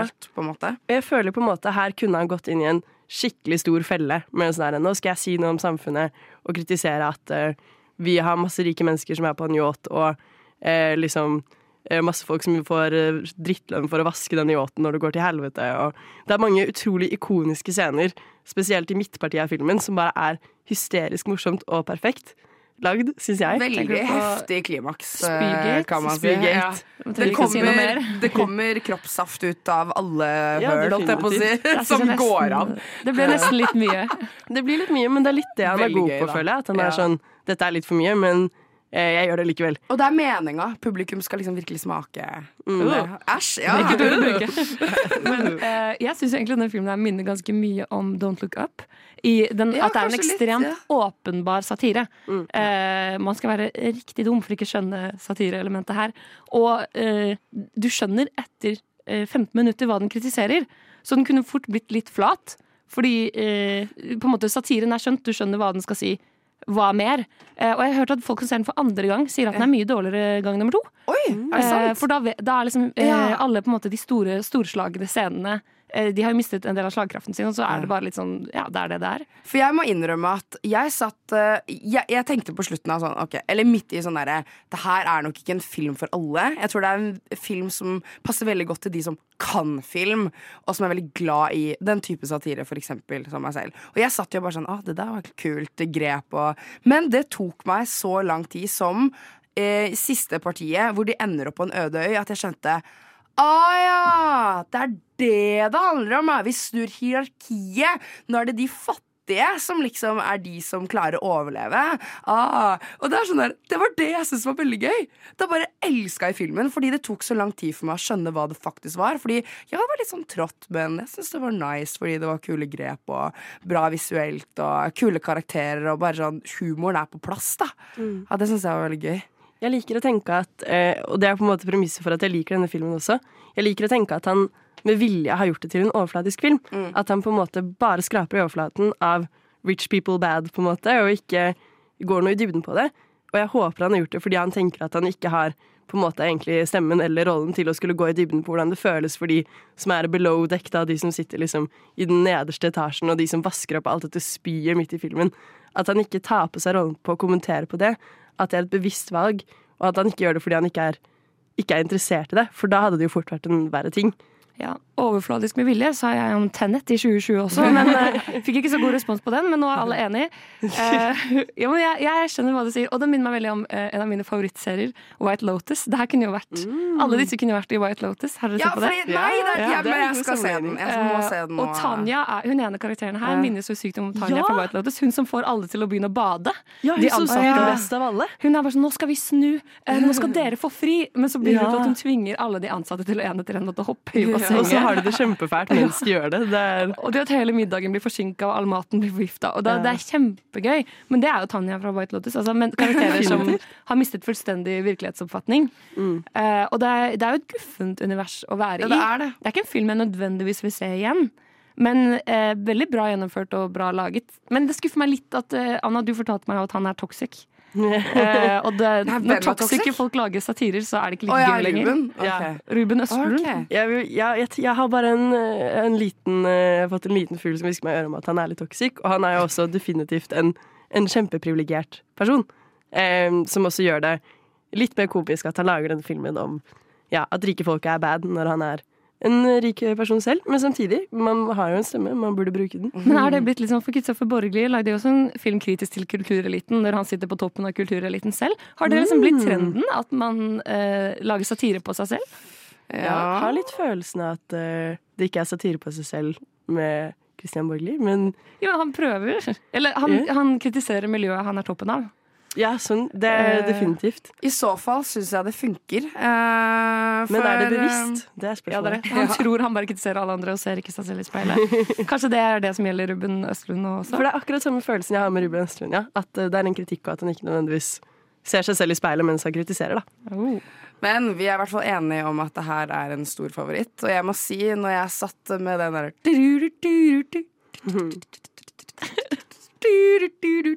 så var jeg frelst. Og jeg måtte slette slutten, for jeg jobber på kino, så jeg måtte bare gå inn for å se slutten på nytt når han løper. Ja, skal ikke spoile. Gå og se den, i hvert fall, dere som har lyst til det. Vi skal eh, videre til, eh, ja, med snakk om Kristoffer Borgli, en annen film som er på fjerdeplass straks. Før det så skal du få en ny låt, nemlig 'Grav deg ned' av eh, Din Mons. My mama always said Nova Noir was like a box of chocolates. You never know what you're gonna get. Og der var det også verdens beste jingle fra Alexander, som jeg tilfeldigvis har ved siden av meg her i studio nå. Og jeg er tilbake igjen. Uh, Oda er altså det. Og så har vi også Karin. Hallo. Vi skal snakke om Syk pike nå. Som er, hvor er vi på lista nå? Er, vi på, er dette nummer fem? Vi er på topp fire. Det er nummer fire. Det er nummer fire. Altså dette er nå begynner det å bli smalne inn. Det, sm- det smalner, det smalner. Så Karin, har du lyst til å beskrive plottet til Syk pike Det for våre lyttere? skal jeg gjøre. Syk pike er first of all regissert av Kristoffer Borgli. Eh, kom ut for eh, det et halvt år siden, det ikke? Ja, litt mindre. Handler i hvert fall om eh, kjæresteparet Signe og Thomas. Som eh, lever i et ganske toxic forhold, for å være helt ærlig. Der Thomas er kunstner, og Signe er kjæresten. Hun jobber i kafé. Og så er det Eh, ja, ganske i starten av filmen så slår Thomas gjennom som kunstner og gjør det veldig bra. Og Signe takler det ekstremt dårlig. Eh, for det er ikke bare at hun er glad på hans vegne, hun vil jo også ha samme oppmerksomheten som han får. Så hun eh, kontakter da en venn av seg og får han til å bestille eh, noen eh, egentlig sånn svartemarkedsmedisiner som gir henne helt grusomme bivirkninger, blant annet da i huden. Sånn at hun da skal få samme oppmerksomhet som Thomas har fått tidligere. Og det er vel det. Her snakker vi jo textbook narsissisme. Riktig. Så dette er jo eh, Hva var deres førsteinntrykk? For dere så den begge på kino. Det gjorde jeg. Ja, det gjorde for øvrig jeg også. Så hva var deres førsteinntrykk da dere så den i salen? Jeg eh, ble veldig begeistret. Eh, jeg har jo fulgt Christopher Borglis karriere en stund. Jeg var veldig, veldig gira på hans eh, første spillefilm, eh, Drib, som kom ut i 2017. Eh, og var veldig gira på den filmen her også. Jeg har også Kristine Kua Torp, som spiller hovedrollen, har jeg også fulgt litt med på siden Ninja Baby. Hun liker jeg veldig veldig godt, så det var mye forventninger der. Nå satt jeg ned i kinosalen. Eh, og det er veldig, veldig godt sammenskrudd, veldig godt sammenskrudd eh, narrativ. Altså Det er veldig tydelige liksom, tematikker og karakterer. Eh, veldig godt skuespill gjennom det hele. Veldig mange liksom, karakterer fra forskjellige liksom, mindre norske humorkollektiver som, som kommer fram. Denne, for eksempel. Eh, han altså Sigurd fra Sigurd får ikke pult spiller jo denne vennen som selger henne dop. Uh, og veldig mange morsomme karakterer og morsomme skråblikk. Uh, det der jeg falt litt av, var mot slutten. For den er på en måte den veldig stødig i sin oppbygning fram til vi når liksom siste akt. Og da syns jeg det faller litt sammen. Det blir litt for mye liksom Spørre seg selv er det her virkelig, eller er det her bare noe Signe forestiller seg. Men, eh, men alt i alt syns jeg det var en veldig veldig god film. Jeg, Mm. manglet, jeg savnet bare bitte litt på slutten. Og det var vel du som også beskrev den som uh, Hva var det du sa? Som en, som en, en mood stabilizer, var det ikke det? Ja, den, er, den er ganske liksom flat gjennom det hele. Det har ikke liksom noen store svingninger i narrativet. Den holder et veldig sånn flat kurve eh, gjennom det hele, og det var der det, liksom, det fiser litt bort mot slutten. Dessverre. Men Karin, hva, hva tenkte du om det? Eh, altså filmen generelt? Eh, jeg eh, så den på kino, var veldig begeistra og gleda meg veldig til å se den. Eh, det er to ting jeg vil ta opp. Eh, for det første, eh, det føltes som den kom til å slutte fire ganger før den faktisk slutta, og det var veldig rart. Mm. Eh, jeg forventa liksom at nå slutter den, og så skjedde det noe mer. Og så var jeg sånn, ja, men nå slutter den. Og så skjedde det enda noe mer. Altså, det ble, og så bare dabba det av, og så var den ferdig. Så det var en veldig sånn Jeg vet ikke, jeg følte meg litt lurt, på en måte, mm. av mangel på bedre ord, når jeg så slutten. Eh, og for det andre, det her er jo helt åpenbart, det er jo poenget med filmen. Jeg ble Mm. så drittlei Signe til slutt. Og det veit jeg jo at det er poenget. Man skal jo bli kjempelei henne. Hun er kjempeirriterende, så full av seg selv. Thomas også er bare så full av seg selv. Eh, man blir jo litt sånn åh, kan dere bare gi dere? Og jeg veit at det er jo poenget. Ja, altså Men, de som altså- var inne her før oss og snakket om Triangle of Sadness, de snakket jo om satire. Dette er jo også et klart eh, altså Dette er jo også en satire på, eh, på kultureliten i Norge. Og også kanskje kultureliter generelt. Sånn hvor langt er folk faktisk villige til å gå for å få, for å få den oppmerksomheten og det, det umiddelbare kicket som du får av at noen Om det enn bare er at de synes synd på deg fordi du har en sykdom, du trenger ikke engang ha talent. Det viktigste er at du får den oppmerksomheten. Men jeg synes det er veldig kult at vi har to norske filmer på topp ti-lista vår i år. Mm. Det syns jeg er veldig kult. Um, jeg likte filmen veldig godt, og jeg skjønner veldig uh, hva dere begge sier, dette med at, den, at oppbyggingen kanskje flata litt ut, og at det var flere ganger man den nesten lurte deg til å tro at, at filmen skulle være ferdig når den ikke, når den ikke var det. Men jeg syns fortsatt det var litt fett, for jeg synes at eh, Embla nevnte det i stad da vi snakket om Licorice Pizza, at er det ikke fett at det blir lagd litt rare, annerledes filmer i 2022? Og det var det som også gjorde at, ja, at Syk pike gikk enda et hakk lenger opp for meg. Det er at jeg syns det er kult at en norsk film blir laget på denne måten. At den ikke nødvendigvis er sånn som Nå skal ikke jeg rakke ned på verdens verste menneske, men den er jo veldig eh, Selv om den også er kreativ i sin oppbygging, så er, jo, er det en veldig typisk sånn eh, realisme eh, som handler om å finne seg selv og gå dypt inn i seg selv og nyansen i et menneske. Mens Syk pike er veldig leken. Den går, den går veldig langt i å leke også i formatet. Den tar jo alt syns- sykt på kornet. ja, og jeg synes det er skikkelig skikkelig fett at vi får ha noen ordentlig eh, eh, kvinnelige hovedkarakterer som er skikkelig vanskelig å like. Som ikke har noen liksom, redeeming qualities. Ja. Eh, og hun er genuint så jævlig morsom i den rollen. Jeg syns at det også er, en, er et stort og fett fremskritt. Ja, det er ikonisk. Og så er det jo, Vi må trekke frem dette body horror-aspektet, som er liksom gjennomgående gjennom hele filmen. Vi får jo virkelig se hennes liksom, ferd ned i eh, både, både sånn kroppslig forfall. Minner veldig mye om liksom Cronenberg-aktig eh, greier. Altså, det er utrolig kult. Veldig veldig kult at det, at det lages eh, filmer eh, på denne måten i Norge i dag. Enig. Og også, liksom, også sånn som du sier, body Her. Det er ikke ofte vi ser det på, på norsk kino. Det siste jeg vil si er øh, Kjenner dere noen som er som Signe? Nei. Altså, du har jo, Man ser jo tendensene i For det, er ikke, det, ikke, for det poenget er jo det er jo så ekstremt at det er jo ikke sånn at man kjenner noen som er Signe, men jeg kjenner folk som som er Ja. Det har de trekkene. Sånn, Ja, må du- legge ut bilder, kjenner- skal være der. Skal være sånn, oh, be real, ta bilde nå, nå gjør jeg noe lættis. Oh my god. Og det der generasjonen mellom de to også. Det er sånn, altså, eh, Alle par burde se denne filmen her og bare sånn OK, hva er det sånn. vi gjør som ligner på dette her? Det må ut nå. Jeg vil bare nevne veldig kjapt på slutten. Kristoffer Borgli holdt på å lage en film nå eh, med A24, med Nicholas Cage i hovedrollen. Og jeg kunne ikke vært mer gira. Du, du skulle bare hatt, Hvis du hadde hatt Steven Segal, så hadde du også vært enda bedre. Bro, Steven Seagal. Men vet du hva? alt i alt så tror jeg vi sier at Syk pike anbefales. De er et kjærestepar som spiller hverandre dårligere istedenfor å spille hverandre gode. Så med det så sier vi nå skal vi høre FOMO med Bo Millie. In a world that's powered by violence. In a world without gas. In a world where owning a radio was strictly forbidden.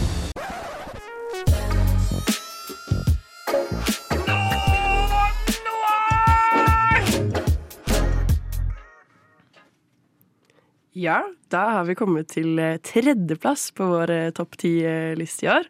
Og der ligger Macbeth, eller rettere sagt The Tragedy of Macbeth. Laget av Joel Cohen, altså den ene av Cohen-brødrene. Og i hovedrollen her så finner vi Denzil Washington som tittelkarakteren Macbeth. eh, Med Frances McDormand som Lady Macbeth, som da også er kona til Joel Cohen. Er det eh, liksom de beste performancene i år? Ja. Jeg syns det, altså. Jeg syns det. Ja, jeg kan si meg enig. Eller det var utrolig bra, i hvert fall. Jeg ble overbevist, selv om det er liksom veldig Det er jo veldig sånn tradisjonell dialog. Det er jo Shakespeare som har uh, skrevet Macbeth. Uh, så det er liksom Det, er, det, er, det kan være litt sånn litt tørt til tider, men det er, jo, det er sånn når man klarer å leve seg så mye inn i en rolle med sånne replikker, så syns jeg det er liksom Det krever talent. Fantastisk. Mm. Det er jo det som er fett med denne filmen, her, er at han tar eh, Macbeth eh, på akkurat sånn som det er skrevet, og så gjør han det appåtil i svart-hvitt, så han gjør det liksom enda mer vanskelig å fordøye. Men han kan gjøre det fordi han har såpass sterke hovedroller. Eh, hele casen er egentlig helt fantastisk, og det er levert på en så fantastisk måte og en så stilig måte at det føles som en Macbeth jeg aldri har sett før. Mm. Og det er ikke så lett å få til. Det er jo også det at uh, Som med alt Shakespeare, så er det sånn når du, første halvtime så blir det sånn Åssen skal jeg se på dette her? Eller sånn, du blir sånn derre Ja, jeg, dette her blir jo, begynner å bli veldig vanskelig. Og så faller, faller jeg inn i en sånn derre en sånn flow, da. En sånn Shakespearean flow, om du vil. Det høres ut som en jævlig rå hiphop-sjanger. Men eh, ja, det, så jeg tror, jeg tror sånn gjennom runtimen så kommer du inn i en slags stemning, og det, det hjelp, den dialogen hjelper deg dit. da. Mm. Og jeg tror det er derfor ofte folk bevarer Shakespearean eh, dialog og skrivemåte. Mm. Det er jo også en utrolig sånn eh, hellish, veldig sånn der, eh, ekkel ting over hele filmen, og det er jo på en måte meningen med Macbeth. Eh, at det på en måte skal oppleves som du er litt, litt i helvete. Mm. Men så er du egentlig bare i Skottland. Eh, men det er kanskje samme tingen, på en måte. Men det føles uansett veldig sånn ekkelt, og det går under huden på deg. Eh, og det hjelpes veldig av skuespillerne, men også av på en måte hele cinematografien og også soundtracket, som funker veldig bra her. Mm. Jeg er helt enig, for det finnes jo flere Macbeth-filmer eh, hvor det liksom er satt tilbake i tid, og alt er skutt på en veldig sånn realistisk måte, og alt skal være veldig realistisk, sånn både handling og scenesettelse og alt sammen.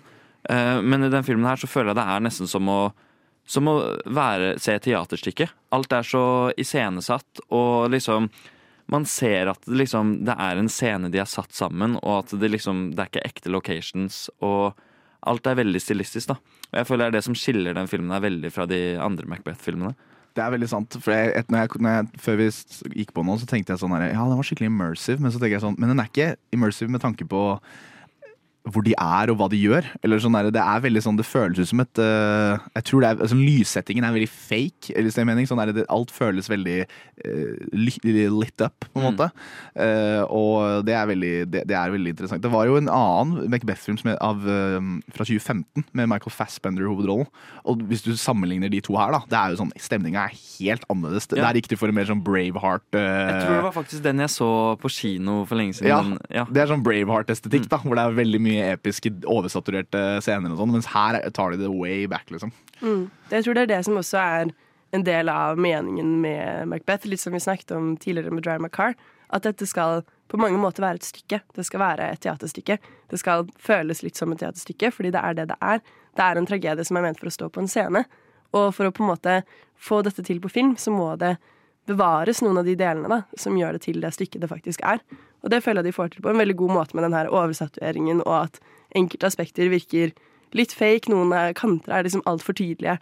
Eh, det føles veldig riktig, og veldig, et veldig riktig valg for den filmen her, da. Og det var jeg som fikk liksom litt sånn stress når jeg så at Ethan Cohen ikke var i creditsen. Sånn der, ikke sånn for at han ikke var med å lage den, men det er så, jeg er så vant til at det står Mm. to navn der, og så står det bare Joel Cohen. Så ble jeg sånn Ja, men det er det. Jeg, Har han dødd? Ja. Nei, men jeg, jeg tenker på det samme sånn, Jeg lurer på hva, hva, hva den andre broren tenker sånn, når han Når han bare lager en film helt uten han.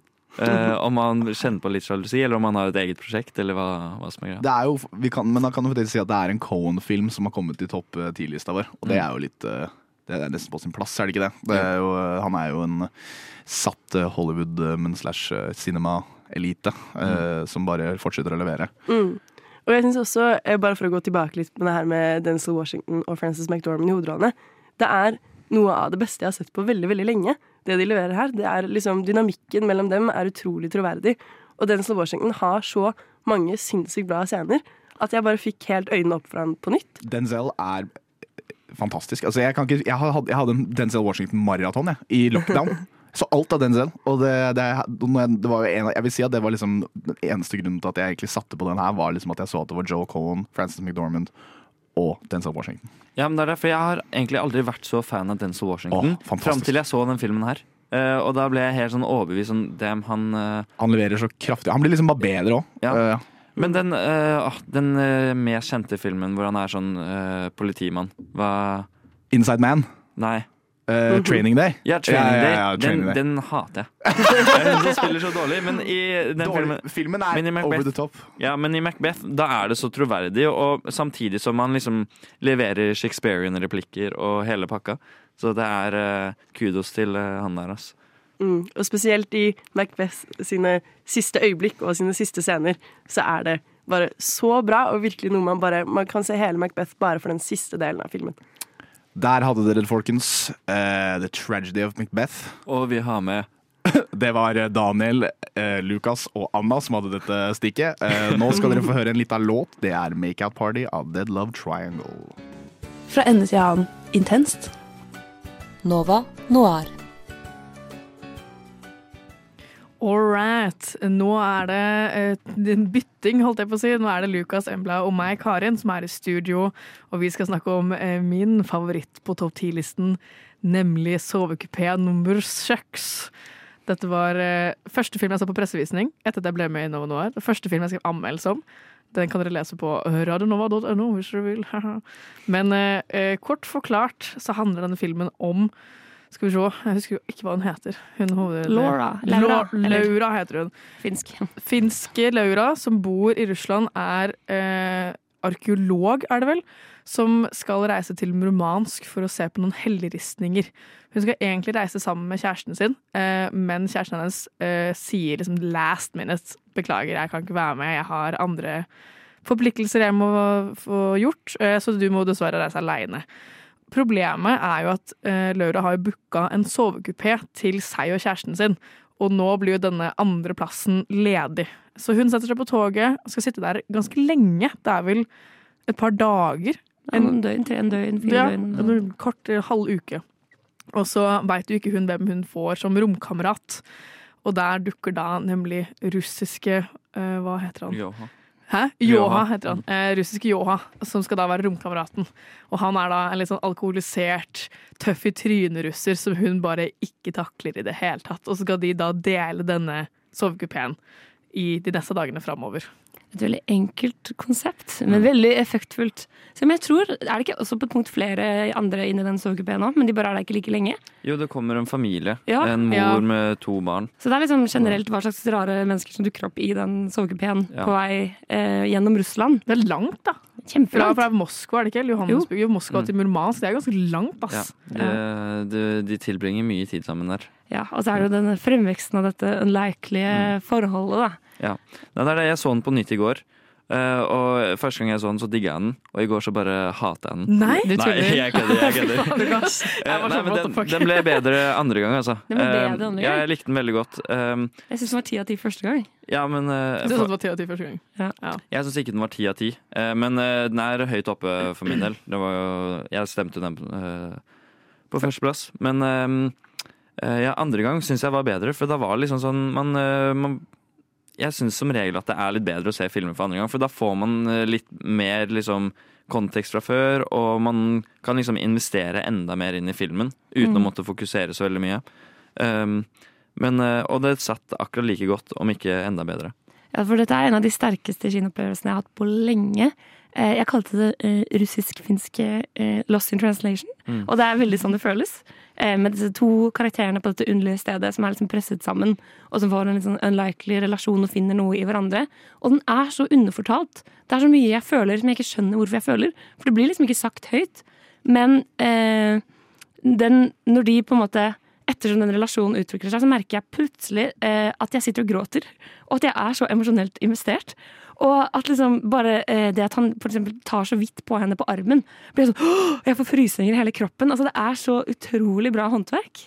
Jeg synes det eh, Selvfølgelig er jo hoveddelen av filmen som er det beste, er jo forholdet mellom Laura og Joa, og hvordan det utvikler seg. For det er jo Det begynner jo veldig med en sånn murvegg, egentlig, mellom de. At hun bare ikke vil ha noe med han å gjøre, og han bare liksom egger henne opp til liksom å bli sinna hele tida. Og de klarer liksom ikke å snakke sammen ever. Og så går det jo litt tid, og så mykner de liksom opp til hverandre og blir vant til at de er der, og så eh, når Joa ikke er i kupeen, så blir hun sånn 'Å, hvor er han? Hva, har det skjedd noe? Har, det, har han støkket? Har han gått av toget? Eh, hva, hva foregår?' Og så eh, ender han opp med å liksom invitere henne med seg hjem til moren sin. Og ta, Er det moren? Det er vel bestemoren eller moren, Ja. er det ikke? Jo, men det er derfor jeg har lest en litt sånn interessant teori om det, og det er at eh, For det her foregår jo på 90-tallet. eh, Jeg har hørt at det ikke foregår på 90-tallet. Er det ikke sånn overgang 80-90? Hun har jo på seg sånn veldig fargerik sånn boblejakke det og kassettspiller. Jeg er ganske sikker på at det er 90-tallet. anakronistisk eh, univers. De tar aldri standpunkt om når det er. Ja, Det skulle jeg snakke om etterpå. Okay, men i fall, jeg tar oss på si, det la oss si det er 90-tallet, da. Um, fordi etter kalde krigen så var det et stort problem med hjemløse barn osv. Uh, og det de tror var at han var en orphan. Um, og hun moren der var en av de som jobbet på Barnehjemmet, På barnehjemmet. Eh, og det er liksom um, Derfor han eh, sliter litt med både kommunikasjon og det der med å faktisk føle på kjærlighet for første gang. Men ja, jeg, jeg skumleste den reviewen, men det var egentlig ganske interessant teori som jeg følte ga veldig mening. Ja, for han er en spennende karakter. Han er litt sånn wildcard, og man er hele tiden litt redd. Holder pusten litt. bak. Jeg synes han er skummel, han er det. Han kan være litt skummel, og så blir man litt glad i han. Og han skal jo vel eh, opp dit for å få seg jobb. Ja, som gruvearbeider. Gruvearbeider, ikke sant? Mm. Mens hun skal jo dit for å se på noen sånn helleristninger. Veldig forskjellig utgangspunkt, eh, som jeg også syns er veldig interessant. Eh, men jeg, grunnen til at jeg ikke tror dette er 90-tallet, er at eh, hun har jo en cam recorder fra 2000-tallet. Soundtracket. Nei, det, er- det er ikke fra 2000-tallet. Jo, ja, det her leste jeg eh, Det var noen som liksom argumenterte for at den, den skal hele tiden lure deg. Altså, du skal føles tidløs, da. Klærne er jo 80-tallet, mm. men viben er jo sånn 90-tallet. Mens eh, flere av de tingene de har, er liksom stadfestet til tidlig 2000-tallet og sånn. Uh, mens hovedsangen, 'Voyage Voyage', verdens beste låt uh, Jeg ble så glad i den etter den filmen. Uh, den er vel fra slutten av 80, så det er veldig mange forskjellige ting. Eh, og jeg syns det er veldig effektfullt, fordi jeg føler at det er et minne, men det kunne også vært nå. Jeg føler også at de eh, Joa kunne jo like vært en fyr fra 2010-tallet. På en måte I måten han har kledd seg på. Jeg føler ikke at han har så veldig sånn 80-talls antrekk. Eh, men jeg liker det at den er litt sånn tidløs. Vet ikke helt hvor den er. Er det 80, 90, 2000? Når er det, liksom? Kunne Men- nå. Det kunne vært nå også, men det er jo fortsatt eh, Jeg vet ikke, jeg syns bare den relasjonen mellom de to er så bra. For de er jo nesten litt sånn fortapt i seg selv, og så finner de hverandre gjennom hverandre. Det er så vakkert. Ja. Men, eh, men eh, det, det, for å si noe på det dere to sa i stad. eh, Den oppbygningen er bare så sykt bra. Sånn det du sa, Emla, med at liksom når, hun tar, når han tar henne litt på armen, så føler man liksom Selv om det er sånne små ting, så legger man veldig godt merke til det. Og så mm, er det det litt det derre med at relasjonen deres blir bygd opp på en sånn ganske sånn eh, spennende måte med tanke på at man tror hele tiden at man kommer til å forvente det som Eller man forventer at ah, det kommer til å skje på den måten her og det og det, og at det blir veldig klisjé. Men så går den liksom en helt annen retning hele tiden. Mm. Og den liksom tar deg litt på senga, og man får, det som skjer, er ikke det man forventer. Og det blir jeg veldig glad i. Ja, og Laura er jo også eh, lesbisk. Som også på en måte man, man forventer jo ikke at det skal være en kjærlighetshistorie. Den Mm. overrasker deg hele veien. da. Ja. Eh, fantastisk fantastisk film som alle må se. Den ligger gratis på Filmoteket. Ja, den er veldig fin. Det er, uh, Gå og se den. Det er uh, en sterk anbefaling fra oss tre i studio her. Vi skal videre til uh, nummer én film, som er 'Everything Everywhere All At Once'. Men før det så får dere høre 'Du sa det' av Kropp. Nova Noir. Nova Noir.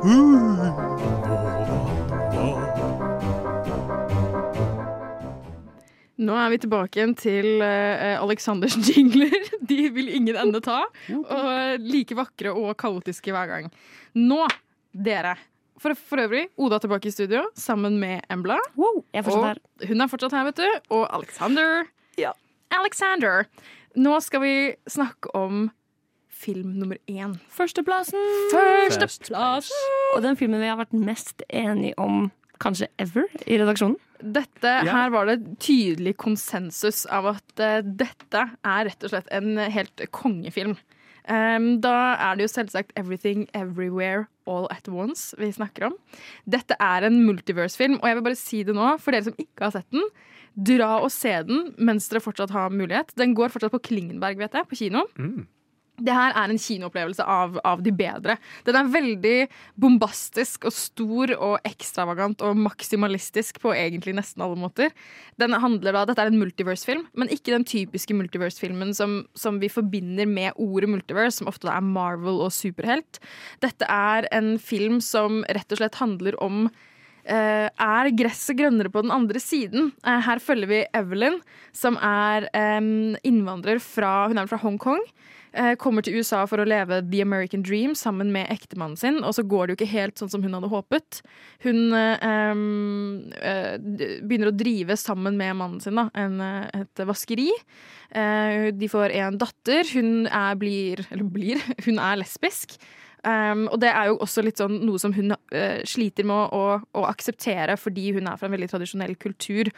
Uh, og så da uh, handler det om at en dag så innser hun at, eller får vite at for hvert valg hun tar i livet, så opprettes det en ny timeline eh, hvor et alternativ fra det, som, det livet hun har nå, da, kunne skjedd. Så det handler også om, handler om anger, men selvsagt en veldig, veldig god Hva skal man si? Veldig god Veldig rørende historie. Veldig rørende. Det handler veldig mye også om liksom, relasjoner mor og datter. Eh, I tillegg til at det handler om liksom, dette, dette med uforlente muligheter. Vi får jo også vite at liksom, hun, eh, Evelyn som vi møter i denne filmen her, hennes, liksom, vers, eller, i hennes univers eh, er hun liksom det minst vellykkede av alle de forskjellige Evelynene i alle de andre multiversene. Det er utrolig hard beskjed å få. ja, det sinnssykt hard beskjed. Ja, det er derfor, fordi det er en, en trussel da, mot universet som er Jobu Tupaki. Som er en person som klarer å reise på, t- på tvers av alle universene. Som er ute etter å ta dem Så da trengte de den mest ubrukelige Evelynen, fordi fordi, fordi du, du var den minst spesielle Evelyn som vi kunne finne. Og det er veldig gøy å hoppe mellom alle disse universene, for de er så uh, forskjellige visuelt. Uh, det er jo et univers hvor hun har pølsefingre, et univers hvor hun er en stein, et univers hvor hun er typ Kill Bill. Uh, og det gjør at de kan leke så mye med sjanger. Veldig. Og det er, så det er så lekent og gøyalt gjennomført. Selv om når jeg setter og tenker på det nå etter at det har gått en stund siden jeg har sett filmen, så har den kanskje øh, vokst litt negativt på meg. Eller noen av de tingene jeg syntes var kjempekule da jeg så de på kino. Har jeg vært sånn, ah, var det egentlig litt teit? For jeg ble så rørt på kino.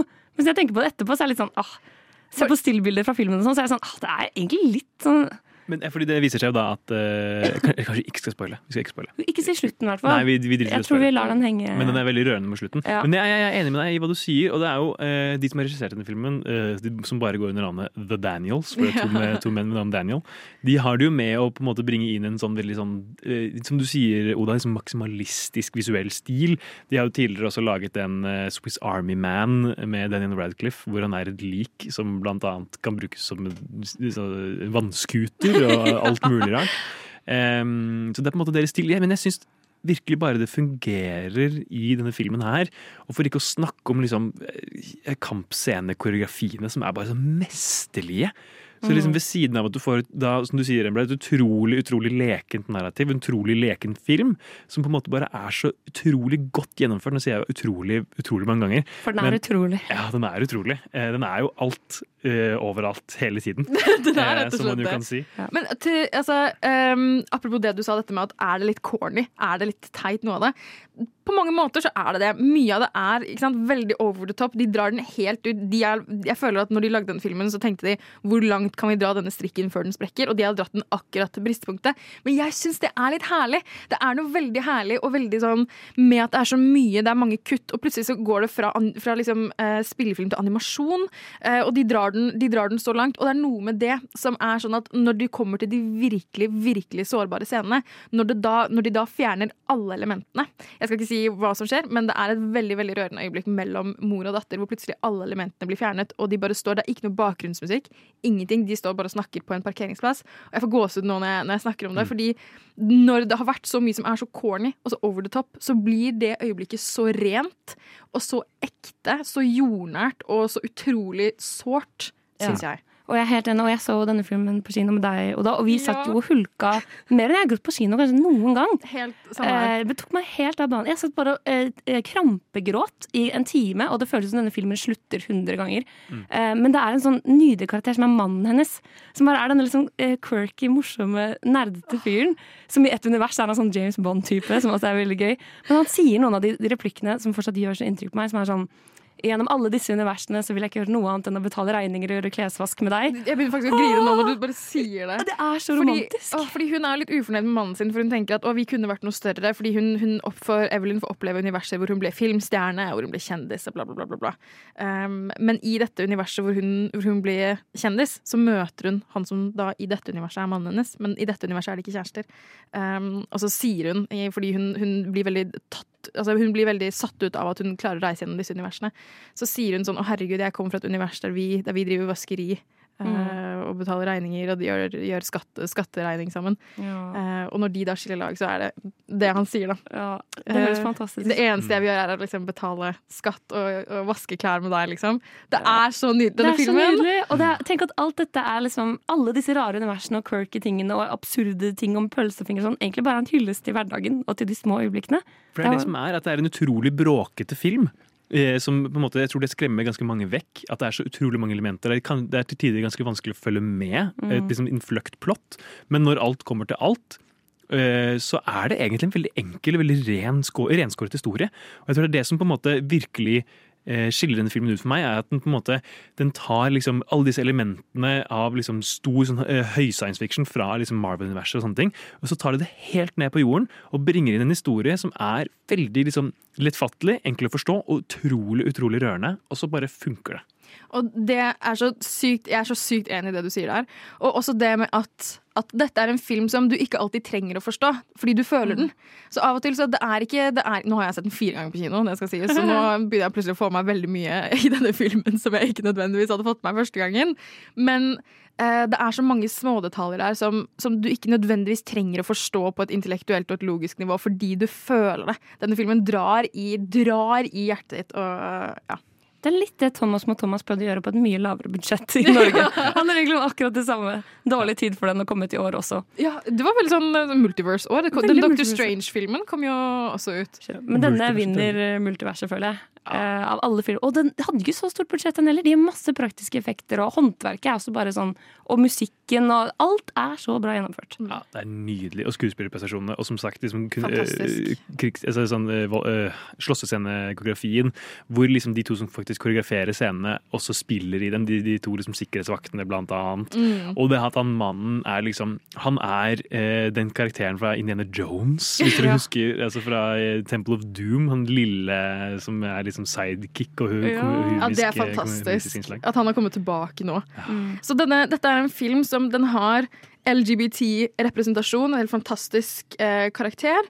Vi har eh, mor-datter-relasjon som, som rommer så mangt, og det er jo det som også er veldig fantastisk med at det er at vi går over alle disse, disse universene. Fordi eh, det er til tider sånn en mor-datter-relasjon kan, kan føles ut, og også det helt genuint. Så er vi alle enige om at denne fortjener, denne filmen fortjener den førsteplassen den har fått. Absolutt. Ja. absolutt. Og så vil jeg bare nevne, altså den, den, Det utgangspunktet som på en måte er en eh, immigrantfamilie med, som driver et vaskeri, og som plutselig, Mm. plutselig liksom handler i liksom dette multiversgreiene som er liksom, liksom forbeholdt Altså det, De forteller en historie fra et utgangspunkt som veldig, man veldig sjelden møter, og så bare bindes det opp mot liksom, de største filmopplevelsene med liksom barn og sånn, og det er bare det er helt nydelig. Og også for øvrig mange referanser til Wong Kar Wai, for de som er eh, filmfans der ute. Noen veldig tydelige sånn, visuelle referanser. Og det er ikke så ofte at actionhelten er en dame i 50-årene.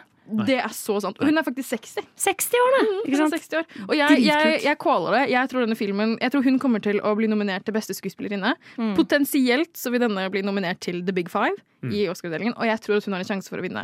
Kanskje hun taper mot Kate Blanchett, men jeg tror hun kommer til å vinne. Tror du den vinner beste film? Jeg håper, jeg håper den vinner beste film. Jeg tror fort den gjør det, altså. Ja, det tror jeg òg. Og den er i hvert fall bedre enn Coda, som var fjorårets La oss ikke snakke om Coda. altså, vi snakker ikke om Coda. Men vet du hva? da skal vi si oss ferdig med å snakke om Everything Everywhere All At Once også. En verdig førsteplass. Nå skal vi snart eh, runde av sendingen, men først skal vi høre Nylon ASAP av Orange Exiles.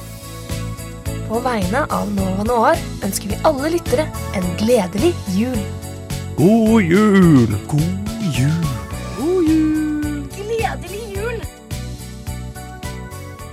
Oh yes, da er vi ved veis ende. Vi har snakket om våre topp ti filmer fra filmåret 2022.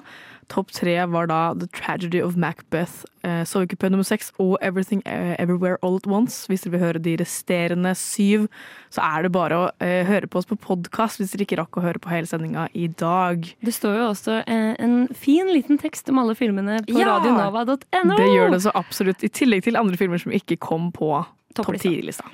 Så da er det bare å høre på der. Eh, nå eh, har dere hørt eh, ni av oss i redaksjonen. Eh, akkurat nå er det Liv Embla og meg, Karin, som er her, som skal si farvel med dere fram til vi ses igjen 12. januar over nyttår. Er dere fornøyd med topp ti? Jeg syns dette er en av de beste topp tiene vi har hatt ever. Jeg må Ja. si meg uenig, men Ja, Karin, det går bra. Du, Karin er jo, for dere lyttere som ikke vet, alltid anti alt annet Ja, alle i redaksjonen ja, mener. det- jeg vet Du ikke skulle ha fra. Elvis. Jeg Så står fortsatt for det valget. Vi bruker ikke Eh, verdifull sendetid på å snakke om Elvis. Og så har jeg skrevet om den på nettsiden, så dere kan lese hva jeg syns om den der. Eh, jeg syns ikke det har vært så ille. Jeg, og jeg har dessverre ikke sett så mange av filmene, men eh, jeg skal jo se mange av dem. Ja. Dette kan jo motivere og inspirere til å få med seg noe av det filmåret Ja, 2022 har bydd på. absolutt. Det er. Det er sant. Og så gleder vi oss jo til filmåret 2023. Oh, Yes, men blir det bra? Blir det bra? Det er nesten Avatar kommer jo nå. Og jeg skal Karin. på. Oh my god, I'm so excited. Jeg tenker på deg når jeg ser den. Ja, bra. Eh, og mye annet spennende. Babylon til han som Ja, har laget ja, ja, ja, Mye spennende som kommer. neste år, vet du. Hva blir som gøy. blir da. Vi høres i hvert fall igjen fra og med 12. januar. Det har vært hyggelig å tilbringe året 2022 med dere lyttere, og vi gleder oss til enda et år. Vi ses! God jul! God jul!